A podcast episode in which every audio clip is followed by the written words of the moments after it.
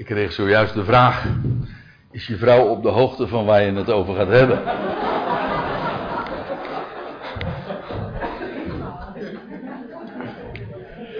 En ja, dat heb ik haar verteld. En ik kan me zomaar voorstellen dat u zo uw ideeën hebt over waar het vanmorgen over zou gaan. En dat, laat ik dan meteen maar eventjes dat ook verklappen. Dat is slechts zeer ten dele juist. Inderdaad, de aanleiding tot de, de titel, de naam of het opschrift boven deze toespraak, is inderdaad ontleend aan de actualiteit. En als u niet helemaal onder een steen hebt geleefd deze week, dan zal het de commotie niet zijn ontgaan dat daar een, eh, een verklaring is uitgegeven, de Nashville-verklaring. Nou ja, ik hoef daar toch niet zo heel veel meer aan toe te voegen, want daar is al zoveel over gezegd. En ik ga mijn nek ook niet uitsteken naar. Uh, dat hebben we trouwens bij andere gelegenheden wel eens gedaan. Maar om het onderwerp wat ja, in deze verklaring naar voren gebracht werd, of de onderwerpen, uh, om die nou eens uh, te gaan bespreken. Dus uh, het onderwerp is vanmorgen niet homoseksualiteit en transgenders, want daar ging natuurlijk die verklaring over. Ehm, toch, ik zei dat al, de aanleiding is inderdaad wel uh, die hele kwestie die deze week zo gigantisch speelde. En niet alleen maar binnen de christelijke wereld. Maar ik zou, het opvallende was juist dat een puur kerkelijke verklaring, want dat was het feitelijk, dat die zo enorme aandacht kreeg en toch niet onverdeeld positief, had ik de indruk, in de wereld, in de seculiere pers om zo te zeggen. Ja, in die verklaring werden daar natuurlijk hele stevige uitspraken gedaan over uh, ja, het huwelijk. Dat was feitelijk ook de directe aanleiding. Ooit toen daar in Nashville een jaar wat terug een verklaring werd uitgegeven. Dit was alleen maar een vertaling daarvan met een kleine toevoeging van pastorale aard, zeg maar. Uh, dat ging inderdaad puur over uh, de betekenis van het huwelijk tussen man en vrouw en ook over seksuele identiteit. Eigenlijk wat in deze verklaring staat, en dat kwam deze week, als ik er dan toch een paar dingetjes eventjes over mag zeggen. Dat kwam eigenlijk nauwelijks uh, uit de verf, maar dat eigenlijk de Bijbel maar twee soorten seksuele identiteit kent. En dat is mannelijk en vrouwelijk. Meer niet. En dat de Bijbel dat niet definieert, onze seksuele identiteit naar ons gevoel, onze beleving en op wat je, zelf vindt. Dat doet niet ter zake, maar dat is wat je van de, geboorte bent. Je geslacht, je sekse. Nou, dat stond allemaal ook in de, die verklaring. Hoewel, nou ja, wat je daarvan vond, daar ga ik, uh, of wat u, of jij daarvan vindt, dat, uh, of wat ik daarvan vind, vind ik, dat doet nu eigenlijk even niet ter zake. Maar eh, er is trouwens nog een reden. Het is een puur. Er is nog een reden waarom ik dat verder. Behalve dan deze inleidende opmerkingen. niet direct ter sprake wil brengen. En zeker niet als leidraad wil gebruiken. Het was ook echt wel een orthodox christelijk document. Wie van u heeft het echt gelezen? Dat is toch een kleine minderheid. Maar dank u wel dat je uit de kast komt. Hè? Uh, het, was, uh, het was een pamflet, ja, maar goed, als je het uh, wil lezen, dan. Het taalgebruik was nou ook niet bepaald heel erg plezierig om dat zo in je op te nemen. Maar het was inderdaad, zoals ik hier ook aangeef, een orthodox christelijk document, zoals dat ooit ook al geformuleerd was, dus in Nashville. En dat gaat uit van, nou ja, om maar wat te noemen, de leer van de drie eenheid. Dat kwam in die verklaring dan niet zozeer uit de verf, of in ieder geval, dat was niet het onderwerp. Maar ook bijvoorbeeld de leer van de eindeloze hellenstraf was het uitgangspunt van die Nashville-verklaring.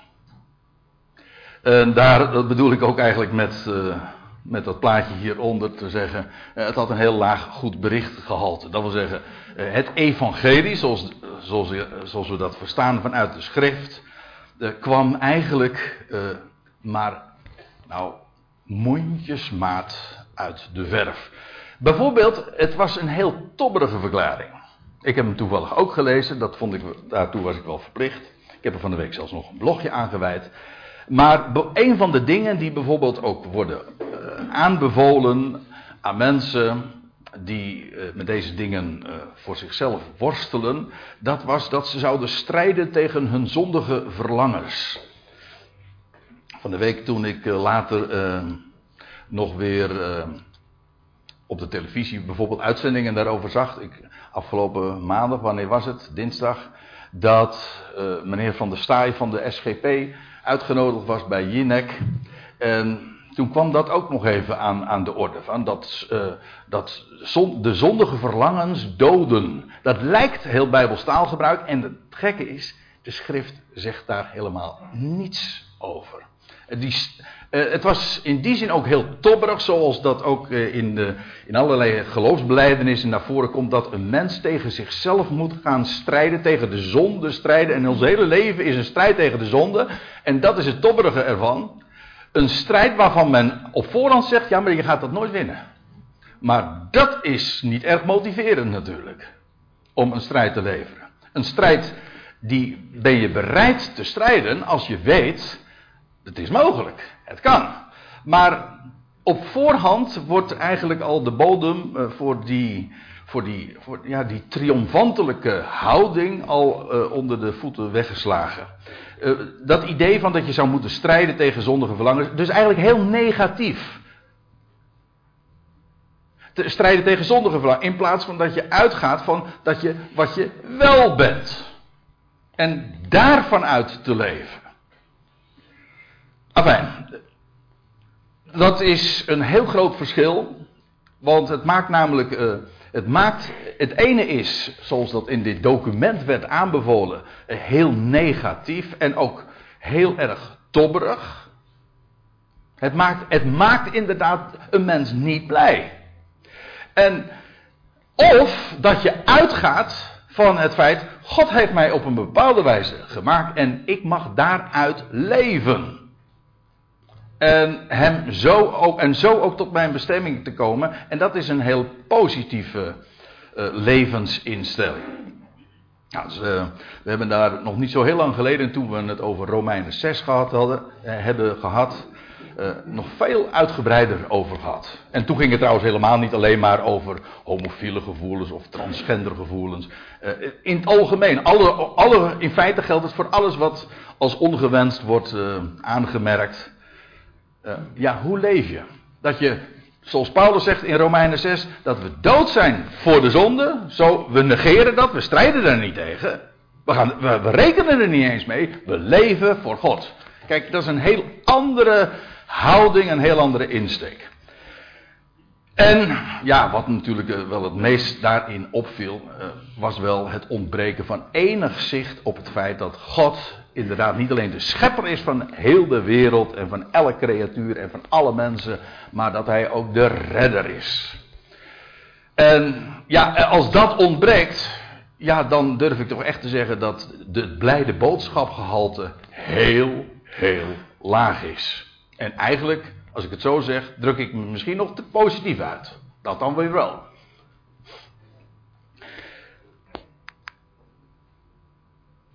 De commotie die er zo was rond dit onderwerp, dat raakt uh, slechts uh, zijdelings het onderwerp van waar ik, nou ja, wat als op de titel dia stond beschreven. Namelijk in die zin dat uh, uit de kast komen, wat bedoelen we daarmee? Meestal wordt het gereserveerd voor het uitkomen voor homofiele gevoelens, of in ieder geval seksuele gevoelens.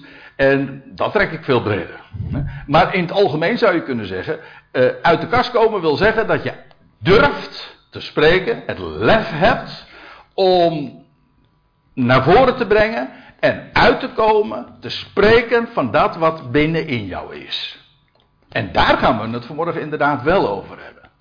Maar het is veel breder dus dan alleen maar over gevoelens. Uh, ik moet er trouwens bij zeggen, en misschien is het goed om dat toch nog even te benadrukken. Dat het van in het algemeen ontzettend belangrijk is. Dat je ook durft te spreken over je eigen gebreken en je zwakheden en gevoelens in het algemeen. Ik weet het, dat zijn geen dingen dikwijls die je aan de grote klok hangt. Dat doe je nu eenmaal niet. Dat is erg privacy gevoelig. Maar dat daar ook, eh, met name thuis, ook dat waren van die thema's die ja, eh, direct ook aanverwant zijn bij eh, wat, wat, er al, wat die verklaring van de week losmaakte. Het belang dat er thuis een omgeving is die ook veilig is. In die zin dat, dat je daar ook kunt spreken over dat wat ja, zwakheden, gevoelens, gebreken. In het algemeen, hè. En in die zin ook dat je niet daarom veroordeeld wordt. Het hele idee dat je bepaalde gevoelens, trouwens in het algemeen, hè, dat je het idee dat je bepaalde gevoelens niet zou mogen hebben, dat is buitengewoon kwalijk. Een gevoel is een gevoel, dat overkomt je. Het kan heel ongewend zijn, het kan heel pijnlijk zijn, maar wat is aan een gevoel fout dan? Hoe, hoe kan een gevoel. Dat is net als het weer. ik bedoel, het weer overkomt je. Het kan ongewenst zijn. Het, kan iets, eh, het weer kan zodanig zijn dat je, zegt: dat had ik niet gehoopt of niet verwacht. Ja, oké, maar het overkomt je. En zo gaat het met gevoelens ook. Het feit dat wij zo gemakkelijk etiketten, morele etiketten plakken op een uh, emotie of een gevoel. Dat is, dat is, die insteek is al fout. En het is belangrijk dat je inderdaad mag zijn, inclusief je gevoelens, wie je bent. En dat daar ook, met name thuis, want ja, dat, dat, daar begint het, dat je daar ook over kunt en durft te spreken. En niet alleen wat de gevoelens trouwens betreft, want eh, oh, er komt nog iets aan de orde. Eigenlijk, ja, dat is min of meer het verlengde daarvan. En dat geldt met name ook voor thuissituaties. Dat je uiteindelijk dus ook, als met name dat geldt voor ouders, of broers en zussen, maar in ieder geval uh, je medehuisgenoten, je familieleden, dat daar de ruimte is om de keuzes te maken die je maakt. Ook als je het daar totaal onmee oneens bent. Met name voor ouders is dat heel moeilijk. En uh, ik praat niet eens zozeer uit ervaring. Ik moet sowieso uitkijken, want alle drie de kinderen zitten hier. Dus.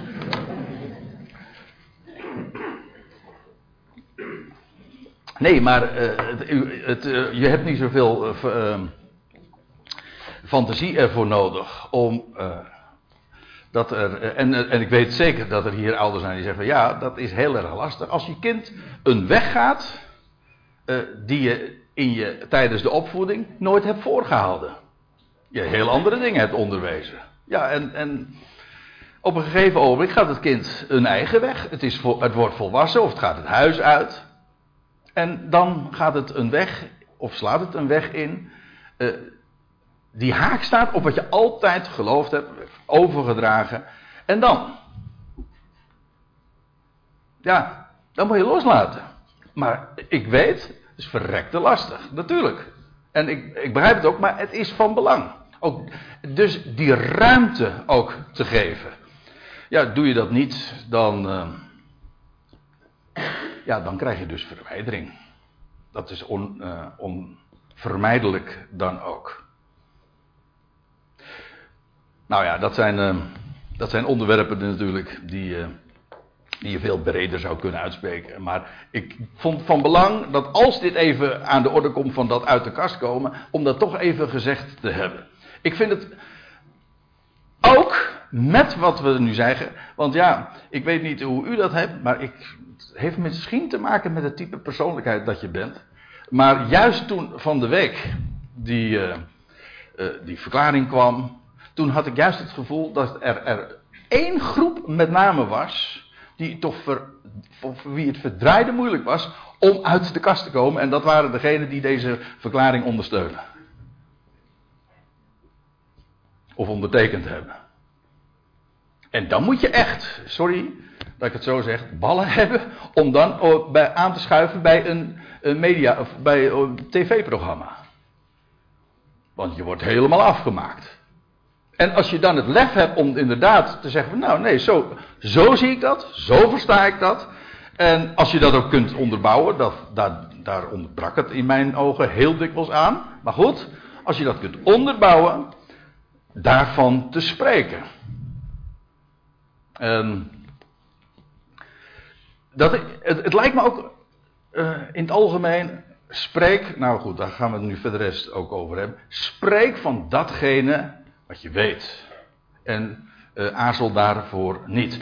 Uh, nadat we ook, nadat ik wat nog wat heb gezegd over het belang van een veilige omgeving thuis, wil ik nu, voor de rest, eigenlijk in deze toespraak, gaat het over, uh, niet over de omgeving van degene die uit de kast komen, maar over degene, over onszelf. Hè? Over mijzelf. Degene die uit de kast komt en dan niet laten we wel wezen. Dan gaat het niet over gevoelige uh, zwakheden. Welke, van welke aard dan ook. Daar wil ik het eigenlijk vanmorgen voor de rest niet meer over hebben. Dat is een onderwerp apart. Maar dat is vanmorgen niet aan de orde. Het gaat niet over het uit de kast komen. Dus uitspreken. Naar voren brengen. Openlijk ervoor uitkomen. Niet voor je gevoelige zwakheden. Maar voor het goede bericht. Ik bedoel voor het evangelie. Voor de blijde tijding zoals de Bijbel daarover spreekt. Ja, dat is een heel groot verschil. Het ene geval, uh, in het eerste geval kan ik me nog voorstellen, dan zeg je van ja, dat doe je alleen maar in een heel specifieke context waar het veilig is. Je gaat nu eenmaal niet uh, persoonlijke dingen uh, zomaar aan publiek naar voren brengen. Dat doe je niet. Die zijn namelijk, ja, zoals dat dan heet. Die zijn niet voor de straat. Die moeten daar ook niet liggen, maar die zijn voor ja, de kring van intimie, waar, het ook, waar bepaalde dingen ook vertrouwd zijn om te vertellen. Maar daar gaat het dus niet over. Het gaat niet om, om, om te vertellen van uh, gevoeligheden of persoonlijke uh, kwesties, privézaken. Maar het gaat om uit te komen voor ja, voor feiten, een mededeling, voor je overtuiging. Dat is een heel groot verschil. En daarover, ja, dat hoeven we niet voorzichtig te doen. Ook daar moet ik trouwens wel een paar dingen nog bij zeggen. Want ik bedoel bepaald niet te beweren dat we dat te onpas zouden doen. Dat niet. Maar aan de andere kant ook daar niet voorzichtig. In die zin. Uh, uh, dat we over eieren zouden gaan lopen om daarvoor uit te komen. Ik bedoel, het maakt een heel groot verschil om te vertellen dat je last van roos hebt. Om maar wat te noemen. Of van hoofdluis. Hè? Of kaalde. Ja, nou ja, u hoort het. Kees komt uit de kast. Of dat je, of, het een, of dat je zegt van ja, ik heb last van hoofdluis. Of dat je zegt, of dat je zegt, ik ben gisteren vader of moeder geworden. Of ik ben geslaagd voor mijn examen. Ja, dat zijn twee dingen uh, die van een totaal andere orde zijn. In, in beide gevallen gaat het over iets wat jou zelf direct raakt. En waar je misschien eh, mee zit. Of waar je in ieder geval, uh, ja, dat leeft in je. Maar het ene is iets waarvan je zegt van nou, uh, lief, liever niet dat iedereen dat weet. En voor het andere zeg je van nou, of, of mensen het nou leuk vinden of niet, maar ze krijgen het te horen. Dat. Ja, jullie weten waar ik het nu over heb, hè? Van harte gefeliciteerd trouwens nog, opa en oma. Ja, Robin Minnie zijn opa en oma geworden. Recentelijk, nietwaar? Ja. Nou, waar we het dus. Nu heb ik het eigenlijk wat afgebakend. Het is een hele lange inleiding, dat geef ik direct toe. Uh, dat uit de kast komen, ja, waarbij er allerlei vragen eigenlijk ook nog niet systematisch, maar wel onvermijdelijk ook langskomen. Ja, waarom zou je het niet doen? Daar, daar zijn motieven voor om het niet te doen. Er zijn trouwens ook redenen waarom het wel zouden doen met name daar wil ik het over gaan hebben. En wanneer en waar zou je dat dan doen? een niet onbelangrijke vraag. Hoe doe je dat dan wel? En wat moet je verwachten als je uit de kast komt? Ik bedoel nu dus even dat je als je inderdaad spreekt van dat wat jouw diepste overtuiging is. En waar het werkelijk in het leven om gaat. Ja, als je dat doet, ja, dan is het wel goed om erop bedacht te zijn dat niet iedereen erop zit te wachten. En dat dat zelfs massieve tegenstand of vijandschap op kan roepen. En vandaar ook in het verlengde daarmee, wat doe je dan met die afwijzing? En het loutere feit dat deze laatste twee vragen, die hebben alles te maken natuurlijk weer met die eerste vraag. Ja, waarom zou je het dan niet doen? Nou, precies dat is waar we het over hebben. Ik neem u mee naar Johannes 12. En degene die afgelopen donderdag in Bodegraven waren, die komt dit bekend voor. En ik excuseer me voor degenen die daar toen waren. Eh, dat, ik, eh, dat we dat wat eh, gaan herhalen, hoewel dit een wat andere insteek is. Want we zijn in Bodegraven bezig met een hele lange serie over het Johannes-evangelie. We hebben een stuk of 43 bijbelstudieavonden daar al aan gewijd. En we zijn nog maar in hoofdstuk 12, want daar staat zo ongelooflijk veel in. Maar wat daarin naar voren gebracht wordt, dat, dat, dan lees je aan het einde van Jezus' publieke optreden in de laatste week, vlak voorafgaand aan zijn sterven, eh, vlak voorafgaand aan zijn overlevering, dan staat er dit van de mensen, van leiders in Jeruzalem, in vers 42 van dat hoofdstuk, Johannes 12. En als ik het zo lees, dan begrijp je ook meteen wat het uh, met. Uh, wat dat met uit de kast komen te maken heeft. Daar staat dit. Toch geloofden insgelijks, behalve, en als je het voorafgaande dan leest, dan staat er van dat er velen in het volk, van de, de inwoners van Jeruzalem, geloofden. Ehm, maar dan staat erbij, toch geloofden insgelijks ook uit de oversten. Dat wil zeggen, de leiders. Degene die voorop gingen velen in hem. Uh, daarvan kennen we een aantal voorbeelden ook in de Bijbel. Bij name bedoel ik dan. Want daar was, dat vind je later in ditzelfde evangelie, in Johannes 19. Daar lees je over een Arim, Jozef van Arimathea. Een, uh, een buitengewoon rijk man. Uh, hij was, staat er dan bij in Johannes 19, vers 38, hij was een discipel van Jezus in het verborgene. Maar hij was namelijk een van die oversten. Dat wil zeggen, hij, was, hij maakte deel uit van het Sanhedrin, de Joodse raad. Dus hij was echt een topfiguur daar in, uh, binnen het Jodendom en daar in Jeruzalem. Maar hij was een discipel in het verborgene. Een ander iemand die misschien nog wat bekender is in die hoedanigheid, dat was Nicodemus. Van hem lezen wij, en in Johannes 19, vers 39, dus in diezelfde context, wordt er nog gerefereerd aan een gebeurtenis die veel eerder al in het Evangelie was beschreven, namelijk dat, de, dat die Nicodemus, en de Heer Jezus die zegt tegen hem, ben jij de leraar van Israël. En weet jij deze dingen niet? De Heer Jezus zegt: Ben jij de leraar van Israël? Ik neem dat heel letterlijk. En ik ga er dus vanuit dat de leraar van Israël. Dat was Nicodemus. Dat wil zeggen, er was niemand die zo, uh, uh, zozeer voorop ging als, als onderwijzer, leraar in Israël als deze Nicodemus. En die Nicodemus die maakte net als Jozef van Arimathea, deel uit van het Sanhedrin. Zeg maar uh, de Tweede Kamer. Nou ja, Zo'n wat ongelukkige vergelijking. Maar in ieder geval, het was namelijk niet alleen maar een politieke.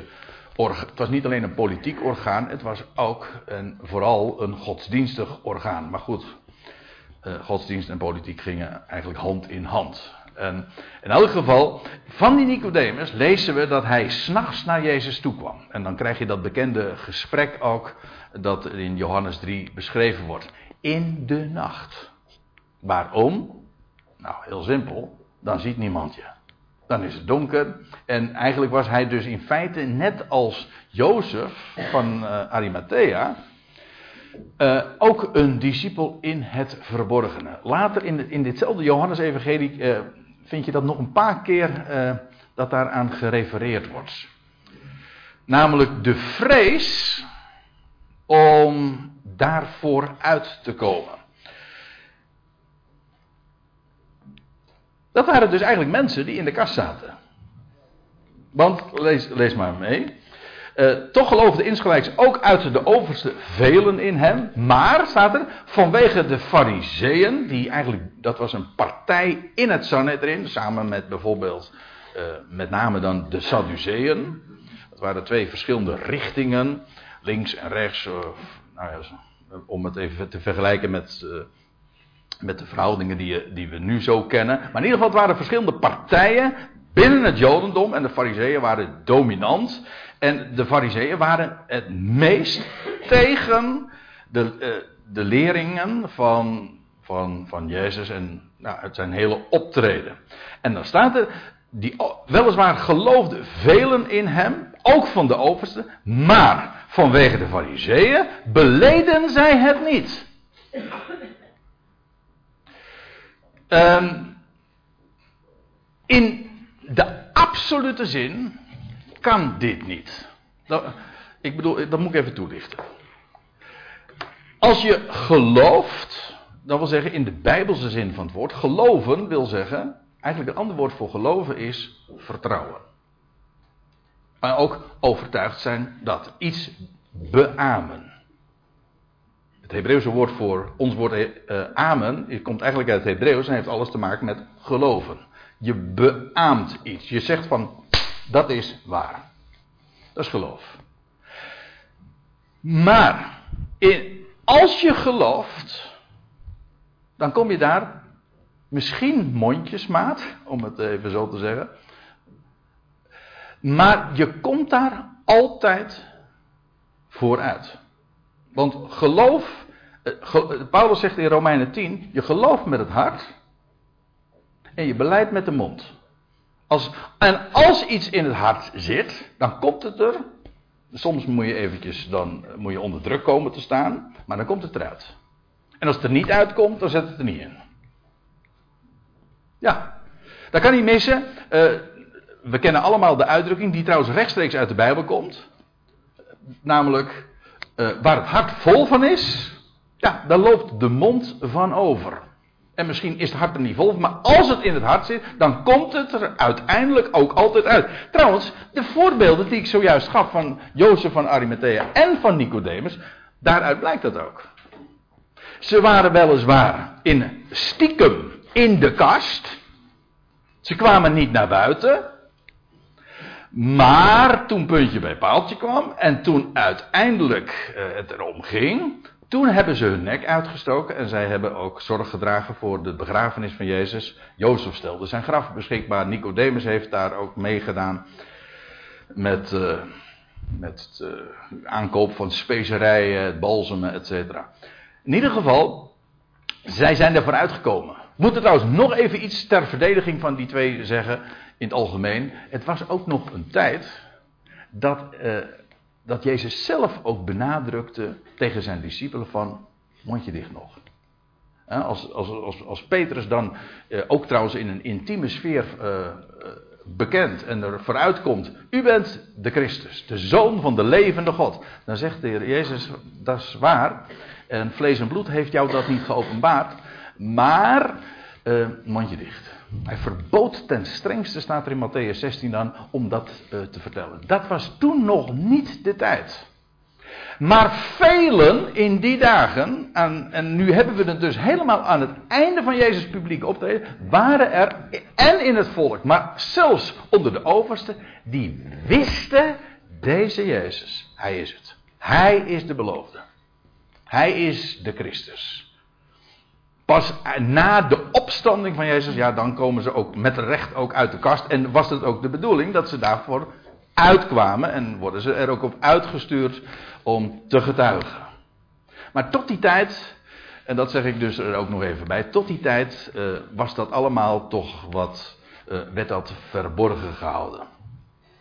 Maar goed, ik wil eigenlijk uh, er ook mee zeggen, in de absolute zin is het zo dat als je iets gelooft, dan kom je daar ook dus vooruit. En als je er, je kunt het dus ook omkeren, als je er niet vooruit komt, dan geloof je het niet echt. Ook, en dat is natuurlijk, eh, oh, dat was ook het geval in de dagen van de Heer Jezus. Er waren er velen die het wel wisten. Ja, inderdaad, hij moet het zijn. Maar ze geloofden het toch niet echt. In die zin dat ze hun vertrouwen daarop stelden. Het werkelijk beaamden. Eigenlijk beamen eh, is eigenlijk ook al uh, ervoor uitkomen, toch? Dat is namelijk amen zeggen. Dus, dus die, die, die, tweedeling, geloven met het hart, beleiden met, met de mond. Dat, uh, oké, dat zijn twee kanten. Het is, de, het is de binnenkant en de buitenkant. Maar het is één. Want als het erin zit, komt het er ook uit. Dat bedoel ik te zeggen. Oké, en nu komen we op het, uh, op punt van, ja, waarom dan wel? Waarom blijf je in de kast zitten? Dat is een aardige uitdrukking trouwens, want dat we het zo zeggen. Het komt eigenlijk ook uit het Engels. Uh, in het Engels zegt men eigenlijk het soort, op een soortgelijke wijze. Het idee is natuurlijk, ja, als je in de kast zit, daar is het donker. Ook benauwd, dat wel. En je zit alleen. Vaak wel. Ja. je zit alleen, wordt hier gezegd. Uh, maar um, vooral de gedachte, het is daar donker en het is, uh, het is daar benauwd. Maar aan de andere kant, het is er ook wel weer veilig, want niemand ziet je. Dat is de andere kant. Maar de reden dat je in die kast blijft, dat is, laat ik het eventjes allemaal op één noemer gooien, dat is toch angst. Dat zie je hier ook. Van die overste, moet je nagaan, hè, dat zijn dan mensen die voorop lopen en die een, ja, uh, op welke wijze dan ook een leidende functie hadden. Trouwens, die overste, moet ik er ook nog even misschien bij zeggen, dat, dat hoeft niet per se leden eh, geweest te zijn van, uh, van het Sanhedrin. Dat, kan ook, eh, dat kunnen ook vooraanstaande mensen geweest zijn in de synagoge of op andere wijze op andere leidinggevende posities. Afijn, zij beleden het niet, ze geloofden het wel. ze geloofden het wel. Ja, Hoort u hem? Het verschil. Dus hoe je, als je het accent op die manier legt, dan weet je eigenlijk meteen hoe laat het is. Ze geloofden het wel. En dus kwamen ze er niet vooruit. En is eigenlijk blijkt daar eigenlijk ook in de absolute zin dat het dus niet echt is. Waarom? Opdat ze niet uit de synagoge gezet zouden worden. En dus angst. Want je komt namelijk buiten te staan. Dat is het grote risico. Dat is ook precies de reden waarom mensen in de kast blijven. Want ja, anders, uh, je krijgt te maken met afwijzing en je komt in een isolement. Sociaal isolement, ook godsdienst, let op. Hier is het een godsdienstig isolement. Op het moment dat je uitkomt, in dit geval, in de synagoge, in het Jodendom, men verwacht de Messias, nou was hij er. En, nou was, en die, hij kwam met zoveel overtuigingskracht, maar ook met uh, zo overtuigend dat ze er eigenlijk ook niet onderuit kwamen. En toch beleden ze het niet. Waarom? Want ja, het uh, streed met alles wat, wat men vanuit de traditie altijd gezegd had, hadden. En dat stond er haaks op. Met andere woorden, er ontstond conflict. En op het moment dat je er vooruit komt, ja, dan kom je buiten te staan. En wie wil dat? Je leest in Johannes 9, het is opmerkelijk dat dit thema uh, heel dikwijls, ik ben erachter gekomen, uh, zo bij de voorbereiding, juist in het Johannes-evangelie heel breed uh, aan de orde komt. Op allerlei manieren. Want eerder lees je in Johannes 9 de geschiedenis van die man die blind geboren was. Hij was blind geboren en ja, dat is een heel lang hoofdstuk, wordt daaraan gewijd. En eerst komt al de vraag van, ja, waarom is hij dan blind geboren? En dan geeft de Heer al zo'n ge geweldig antwoord. Maar goed, uh, die man die moet naar, uh, die krijgt slijk op zijn ogen en die moet naar het uh, badwater van een Siloam en komt weer terug en hij is genezen. Die man die heeft zijn hele leven dus nooit kunnen zien en nu kon hij kijken. Nou, dan lees je veel later in de geschiedenis dat de leidslieden, want het was oh dat moet ik ook nog bij zeggen, het was op een Sabbat. En Jezus had dus een daad van genezing gedaan en dat werd als werk aangemerkt op de Sabbat gedaan. Uh, nou, dat, dat, gaf gigantische voeten in de aarde. En dan komen de uh, fariseeën, lees je ook, bij de ouders van die man. Van die blindgeborene. En, dan en, dan, en ik lees, begin nu even te lezen. En zij vroegen hen, de ouders, en zeiden: Is dit jullie zoon van wie jullie zeggen dat hij blind werd geboren? Let op hoe ze daar afstand van nemen. Van wie jullie zeggen dat hij blind werd geboren? Uh, hoe ziet hij dan op dit moment? Ze proberen hen uit de kast te lokken, ja. Uh, zijn ouders, staat er dan, antwoordden dan en zeiden: Ja, wij weten dat dit onze zoon is. Dat lijkt me niet zo moeilijk. En dat hij, werd, dat hij blind werd geboren. Ja, dat was gewoon een evident feit. Maar dan komt het. Maar, zeggen ze, hoe hij nu ziet, hoe dat kan, dat weten we niet. Of wie zijn ogen opende, wij weten het niet. En dan zeggen ze, dat is de uitvlucht dan, uh, vraag het hij heeft de leeftijd, hij zal voor zichzelf spreken. En dan wordt er dit bijgezegd. Deze dingen zeiden zijn ouders, omdat zij de Joden vreesden want de Joden waren reeds overeengekomen, toen al, dat was al in een eerder stadium, waren reeds overeengekomen dat in het geval dat iemand hem zou beleiden als Christus, hij uit de synagoge zou worden gezet. En dan staat erbij, daarom er zijn ouders, hij heeft de leeftijd, vraag het aan hem. Met andere woorden, wij blijven er buiten, want op het moment dat wij hier vooruitkomen, als, de, want zij wisten het wel, ze wisten het wel. Misschien waren ze niet heel goed al op dit moment geïnformeerd. Maar het louter feit dat ze het zo uitspreken, het was angst. Ook hier weer. In het vorige, uh, wat ik zojuist aanhaalde uit Johannes 12, waren de oversten. Zij waren bang. Als je, vergis je niet. Als je een positie hebt van eer voor aanstaan bent, dan is het nog veel moeilijker. Dan heb je veel meer te verliezen. Maar het gold ook voor deze mensen. Ik bedoel, het waren, ja, we weten niet wie het waren, maar in ieder geval. Uh, op het moment dat zij zouden beleiden, deze man kan niet anders dan de Christus zijn. Iemand die in staat is, een, een, een volwassen kerel, die vanaf zijn geboorte blind is, te genezen. Ja, hoe duidelijk wil je het hebben? Eh, dan moeten we de claim van degene die dat heeft gedaan, toch wel uiterst serieus nemen. Afijn, uh, zij zei, uit angst is het dat zij in de kast blijven. Ook hier weer, in de kast blijven. En dan staat erbij, toch, nou ja, ik lees het vers nog maar een keer. Toen geloofde insgelijks ook uit de overste velen in hem. Ik ben nu dus weer terug even in Johannes 12. Maar vanwege de fariseeën beleden zij het niet, opdat ze niet uit de synagoge gezet zouden worden. Want, staat er, en nou komt de reden waarom die oversten dat ook niet doen. Zij hadden de heerlijkheid van mensen meer lief dan de heerlijkheid van God. Uh, die heerlijkheid van mensen, wat is dat? Uh, is eigenlijk, ja, het woord heerlijkheid of de eer van mensen. Maar ja, dat, dat wat jouw glorie geeft, wat jou, dat is jouw eer, toch? Uh, en wat die heerlijkheid is, ja, dat lijkt me nogal duidelijk. Als je een overste bent, dan is dat jouw eer. Je bent vooraanstaand. Je, en wat je dan allemaal te verliezen hebt, nou heel wat. Al was het maar bijvoorbeeld invloed. Of macht. Want dat is eigenlijk wat je ook daadwerkelijk hebt.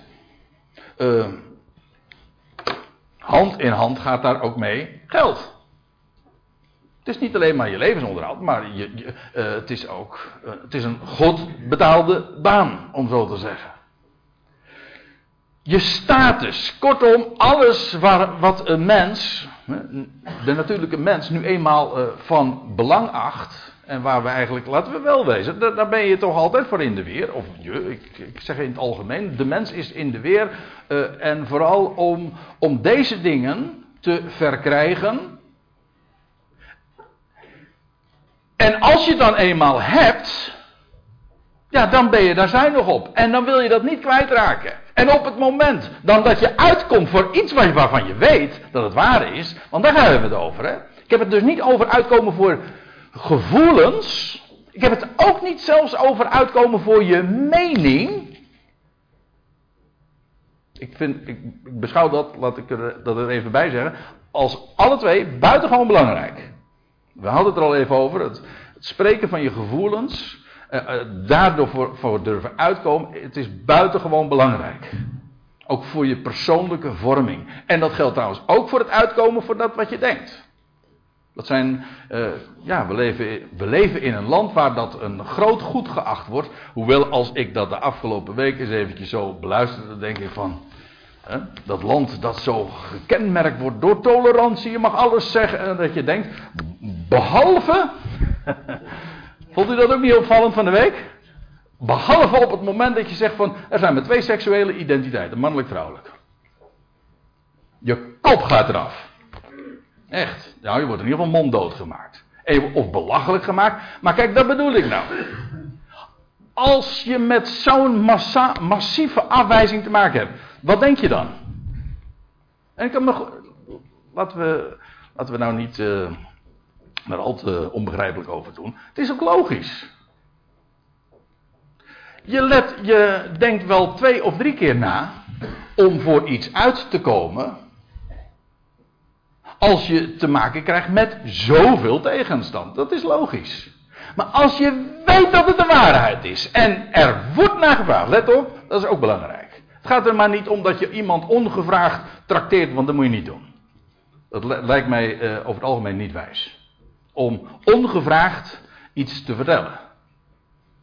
Dus dat is te onpas. Mensen zeggen wel eens, ja, wanneer spreek je nou eigenlijk over het evangelie? Nou, gewoon wanneer het ter sprake komt en wanneer er naar gevraagd wordt. In ieder geval. Ik heb mensen die dat trouwens nog veel makkelijker doen. En ook daar heb ik uh, groot respect voor. Die, die daar gewoon over spreken, zelfs als er niet naar gevraagd wordt. Maar goed, je loopt dan het risico dat je, het, dat je wat irritant wordt.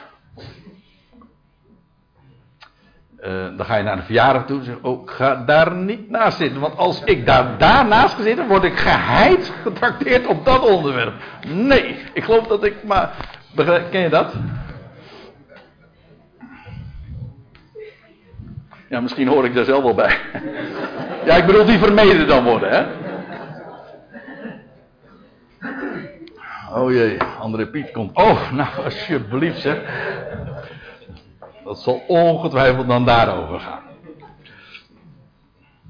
Maar daar, daar gaat het nu niet uh, over. Het gaat dus niet over uitkomen voor je gevoelens, ook niet voor je zwakheden, ook niet zelfs voor je mening, maar over iets waarvan je weet, dit is zo.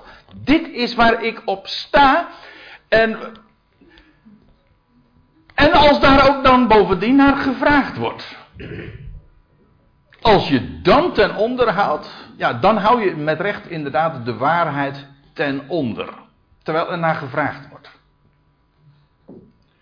En daarmee doe je trouwens niet alleen de waarheid uh, onrecht aan, maar ik geloof ook jezelf. En trouwens, en dat vind ik trouwens niet eens het allerbelangrijkste, want het is niet goed voor de mens om, om altijd maar uh, over eieren te lopen. En ik ken ze hoor, ook van voorgangers bijvoorbeeld. Om het nou dan toch eventjes te hebben over uh, oversten. hier gaat het over oversten die in de synagoge een plaats van aanzien hebben. Ja, en om dan voor, met dank aan Al Gore, de, van die on, hoe was het ook, de unconvenient truth uit te komen. Ja, dat is niet leuk. Want ja, dat is woord zegt het dan. Dat zijn van die ongemakkelijke waarheden. Het is wel zo, ja, maar het ligt niet lekker. En op het moment dat ik erover ga spreken, dan kun je geheid erop rekenen dat je afgemaakt wordt, uitgescholden wordt, etc. En dan? Treed je dan? Ga je dan weer terug in de kast? Of zeggen, hier, met, ehm, met, dat is dan weer met dank aan Maarten Luther, die zegt, hier sta ik en ik kan niet anders. Ik moet dit gewoon vertellen. En, oh ja, daar had ik het dus over. Dat eh, er, zijn, er is menig voorganger ook, en ik ken ze. Ik ga ze geen namen noemen. Nee, nee. Want ja, dat willen ze zelf ook niet. Uh, maar die weten van bepaalde dingen. Ja, het staat in de Bijbel. Ze zijn er ook heel erg blij mee. Ze zijn ervan overtuigd. Maar er niet over spreken. Want ja, jongens, je schop tegen schenen. Wat ik trouwens onzin vind. Want waarom zou uitkomen voor dat waarvan, je, waarvan je weet dat het waar is, schoppen tegen schenen zijn? Dat andere mensen dat uh, uh, confronterend vinden, dat is nog wat anders. Maar dat is geen schoppen tegen schenen. Dat is van een heel andere orde. Het is angst. En ik moet zeggen, waarom zou je het jezelf überhaupt al aandoen? Waarom over eieren gaan lopen? Altijd maar die voorzichtigheid. En weet u wat ik nou zo grappig vind? Ik ken, dat is ook in diezelfde sfeer, mensen die dan weten dat iets waar is, om, maar, om meteen maar het bij name te noemen. Bijvoorbeeld, want dat is de waarheid toch bij uitstek van het evangelie. Hij is de redder van allen, van de hele wereld. Het is waar, maar ja, het is zo onorthodox. Het staat zo haaks op uh, het gedachtegoed waar we van eeuwen her al mee geïndoctrineerd zijn. Als ik dat ga vertellen, ja, dan lig ik eruit. Ja, en? En dat is dan ook wel weer een voordeel als je eruit ligt. Want dan ineens ben je vrij. Dan maak je geen deel meer uit van het systeem, dat is waar. Daar heb je geen erkenning meer van. En dus dan zullen ze je niet meer zo gaan uitnodigen. En ik ken mensen die. Ik kijk niemand aan hoor. Maar. Zo wordt. Het zij zo. Dat, dat zijn dingen waar je op moet, uh, die je inderdaad mag verwachten. En kunt verwachten. En die ook inderdaad zullen uitkomen. En wat dan vaak blijkt, is dat mensen op het moment dat ze uh, niet meer zo'n groot risico lopen. Bijvoorbeeld, dat is, heel, grappig, als mensen dan eenmaal voorgangers hè, op met pensioen zijn, dan zijn ze dus eigenlijk ja, in zekere zin uitgerangeerd. Dan gaan ze ineens hun mond opentrekken. En dan durven ze ineens wel voor dingen uit te komen, want ja, dan is hun kostje gekocht en dan durven ze daar uh, wel uit de kast te komen. Maar dan denk ik dat in knap laat. Als je dat pas doet als je gepensioneerd bent. Waarom? Doe dat als je, het is veel krachtiger, maar ook veel riskanter om het juist te doen wanneer je op het podium staat. Juist dan zou je erover spreken. Ja. Nou, afijn. Uh, zij, van die overste lees zij hadden de heerlijkheid van mensen meer lief. Nou, wat die heerlijkheid van mensen is, daar hadden we het zojuist over. Uh, meer lief, ja dan wat? Nou, dan de heerlijkheid van God. Ja, wat is die heerlijkheid van God? Nou, dat is alles wat Hij is en wat Hij doet. En wat Hij spreekt. Ja, gewoon zijn waarheid. Je leest in eh, Hebreeën 11, misschien kunnen we er even naartoe gaan. Van Mozes, ja, die kwam ook uit de kast, weet u dat? Ja, u zegt, u kwam, hij kwam toch uit een kistje? Ja, maar 40 eh, jaar later kwam hij uit de kast. Want, uh, uh, ja, in Hebreeën 11 wordt die geschiedenis uh, zo kortweg verhaald. En de geschiedenis vinden we vermeld natuurlijk in Exodus, Exodus 2. Maar dan staat er door het geloof. Dat wil zeggen, Mozes vertrouwde op het woord. Hij beaamde dat woord. Wat hij van oudsher al wist, wat God met het volk zou gaan doen. God had zijn woord gegeven, ooit al aan de voorvaderen, generaties eerder. Zelfs wanneer God het volk uit Egypte zou bevrijden. Mozes wist dat. Dat is een uh, onderwerp apart, maar dat is geweldig. Mozes, wat Mozes allemaal wist. Door het geloof, staat er, heeft Mozes volwassen geworden, want hij, we uit uh, Exodus, maar ook uit uh, Handelingen, dat hij inmiddels uh, 40 jaar was. Hij was volwassen geworden. Hij heeft hij geweigerd door te gaan voor een zoon van Farao's dochter. Formeel was hij dat. Dat weten we allemaal. Hè? Hij was geadopteerd. Maar hij heeft geweigerd door te gaan voor een zoon van, van Farao's dochter. Ja, dat is trouwens nog een, een, een apart dingetje. Want, uh, je zou, want als je dat in Exodus 2 leest, zouden we misschien de indruk kunnen hebben dat uh, Mozes eigenlijk uit angst. Op een gegeven ogenblik dan vlucht naar Egypte. Oh nee, pardon. uit, ja, vlucht uit Egypte. U weet wel dat hij, ik ga er even gemakshalve vanuit, we kennen die geschiedenis dat hij dan naar buiten gaat en dan ziet hij dan twee Hebreeuwse mannen met elkaar vechten. En, nee, nee, nou zeg ik het verkeerd. Hij, hij ziet een Egyptenaar die een Hebreeër in elkaar slaat en ja, precies, dat ziet hij dan. Het is hevig onrecht. En dan lees je. Uh, dat hij om zich heen keek. En, en, toen hij niemand zag, toen greep hij in. En dat wordt vaak zo gelezen, daarom maak ik deze opmerking er even bij. Meestal wordt het dan zo gelezen: Mozes was bang. Dat, en, hij hoopte dat niemand hem zou zien. En toen sloeg hij die Egyptenaar dood. Maar het was geen angst. Hij keek om zich heen. Of er niet een andere helper was. Of er niet iemand anders optrad. En toen er niemand was die optrad, toen deed hij het. En toen kwam hij uit de kast. Want toen heeft hij een Egyptenaar gedood. Maar dat betekent, ja, toen nam hij het op voor het onderdrukte volk. Het volk dat onderdrukt werd door Farao's huis. De clan waar hij in geadopteerd was. Maar hij weigerde, en hier staat, door geloof, uh, om door te gaan voor een zoon van Farao's dochter. Maar staat er, hij heeft liever met het volk van God kwaad verdragen. Dus hij keer, hij ging, hij uh, hij stelde, uh, zo heet dat dan, hè? hij was solidair met zijn volk, met zijn roots. Hè? Daar ging hij naar terug. En met het volk heeft hij kwaad verdragen. En dat deed hij liever, vergis je niet, wat dat voor Mozes was geweest. Hij was opgeleid. Ik bedoel, hij had de status van een, een prins, daar in Farao's huis te zijn. Hij was opgeleid in de wijsheid, in al de wijsheid van de Egyptenaren. Dus het was een, een zeer onderlegd man met een geweldige status. En nou, en nou gaat met zo'n slavenvolk dat zwaar onderdrukt werd, daar verklaarde hij zich uh, solidair mee. Daar heeft hij met zijn eigen volk, want daar hoorde hij bij, daar heeft hij kwaad mee verdragen. Dat heeft hem alles gekost. Want van een prins daar in Egypte, in het paleis, in de hof van Farao, werd hij ineens een vluchteling. En werd hij een schaapsherder 40 jaar lang. Helemaal incognito. Dat wil zeggen, dat was dus ook de prijs. Hij kwam uit de kast. Maar dat deed hij liever dan tijdelijk van de zonde te genieten. De zonde te genieten, dat is hier gewoon dus uh, door te gaan voor een zoon van Farao's dochter. Ja, dat was zonde geweest.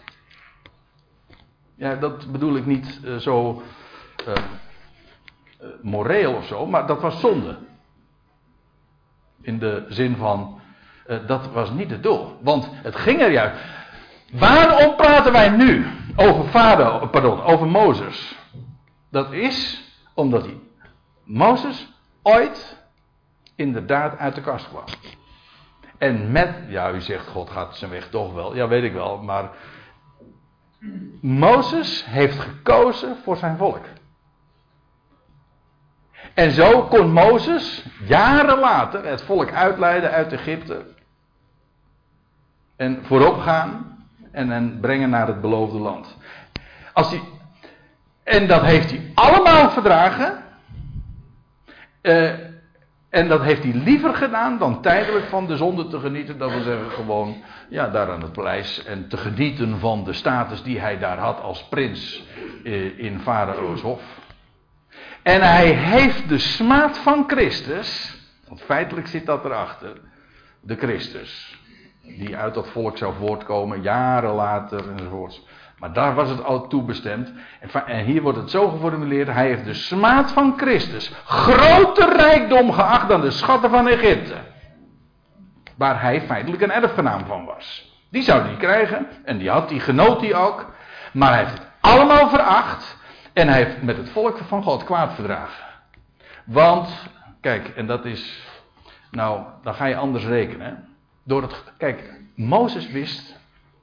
Oké, ik kan natuurlijk nu gewoon aan het, aan het hof van Farao blijven. En daar in die positie genieten. En, en de vruchten daarvan plukken. En dat is mooi. Dat is tijdelijk genieten. Maar Mozes wist, als ik dat doe, dat ik toch aan het kortste eind. Want uiteindelijk, God gaat zijn weg toch wel. En, hij, en Mozes heeft gerekend van ja, maar op, op termijn is dat dus helemaal ook niet slim. Dat klinkt misschien wat berekenend, maar zo wordt het hier ook gezegd. Hij heeft de, uh, hij heeft de smaad van Christus groter rijkdom geacht dan de schatten van Egypte, want hij hield de blik gericht op de vergelding. Dat wil zeggen, hij rekende met de toekomst. Hij zegt, zo gaat het gebeuren. En koste wat het kost, heeft hij inderdaad, is hij uit de kast gekomen en heeft hij uh, zich geassocieerd met het volk van God. En daar ook het kwaad mee verdragen. Dat is, kijk, dit is een voorbeeld van uit de kast komen. En ook dan weten wat je allemaal uh, te verdragen of te verwachten hebt. Namelijk kwaad.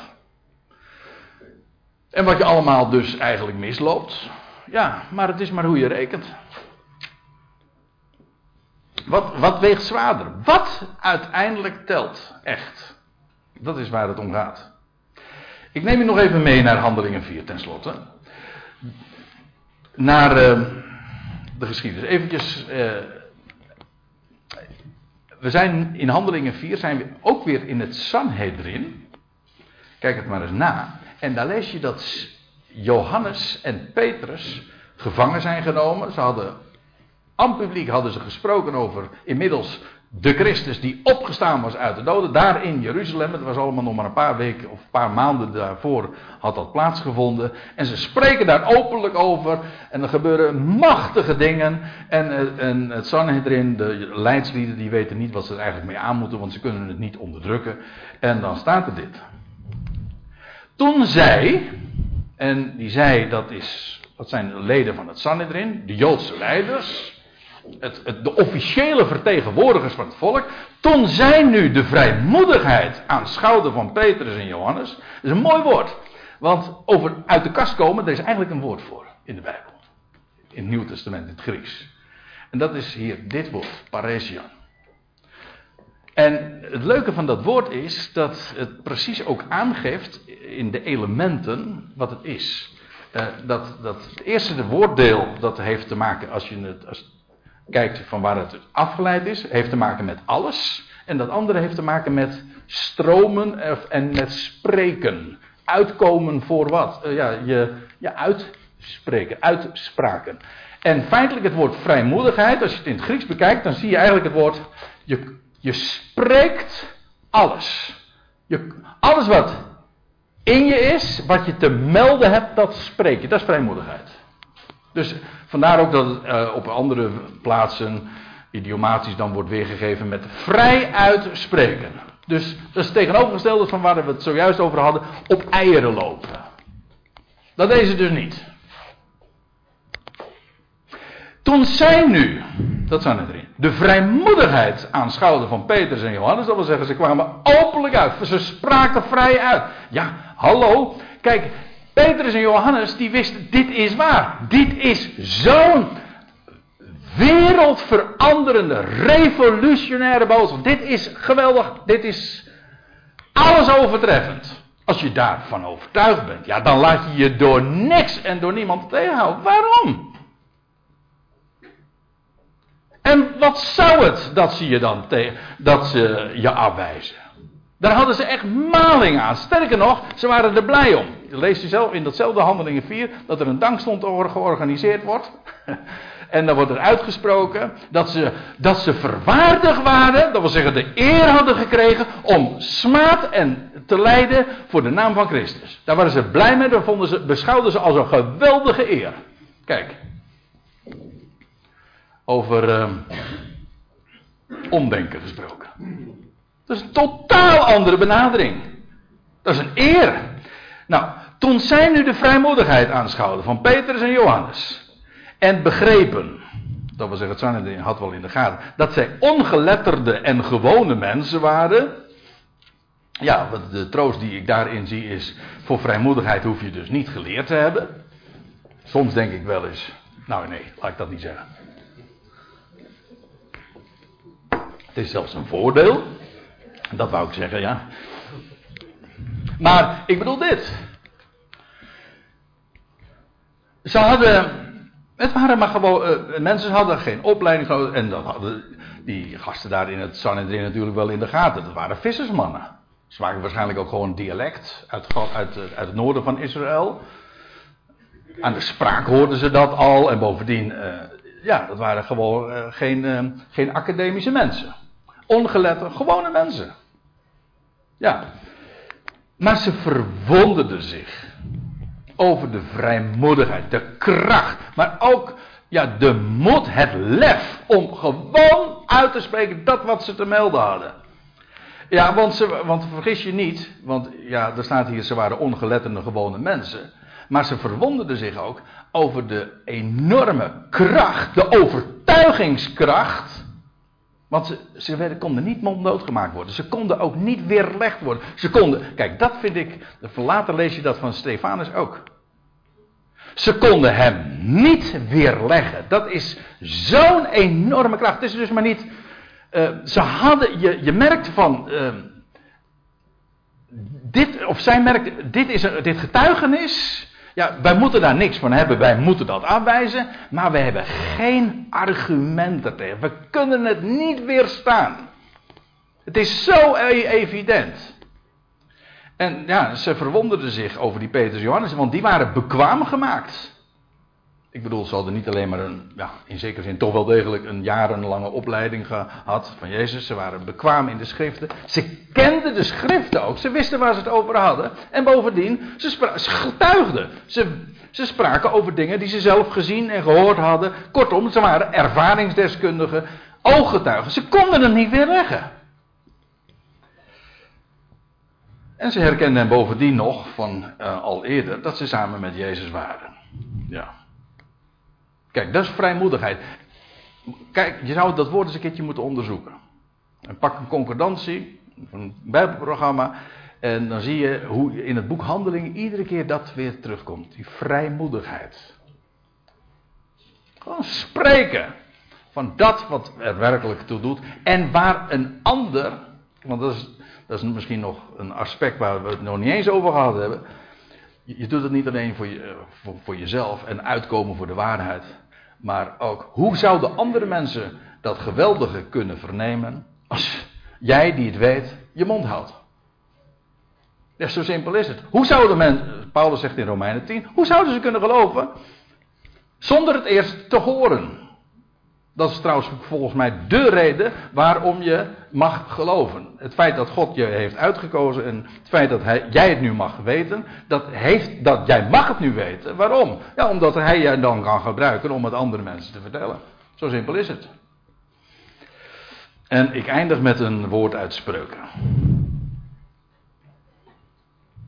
En mijn schoonmoeder weet welke tekst dit is. Bij de begrafenis van, mijn schoonvader, André Heemskerk, hebben we deze tekst nog gememoreerd. Want mijn schoonvader die zei dit zo vaak. Ik uh, haal de tekst maar aan uit de MBG-vertaling. Hij, uh, hij had van die teksten die hij heel dikwijls uh, citeerde, maar één daarvan is deze tekst uit Spreuken 29. En nou ja, dat is eigenlijk precies waar het bij uit de kast komen om gaat. Vrees, zo luidt de tekst. Vrees voor mensen spant een strik. Dat wil zeggen, doet je struikelen. Je gaat ermee de mist in. Als je bang bent voor mensen.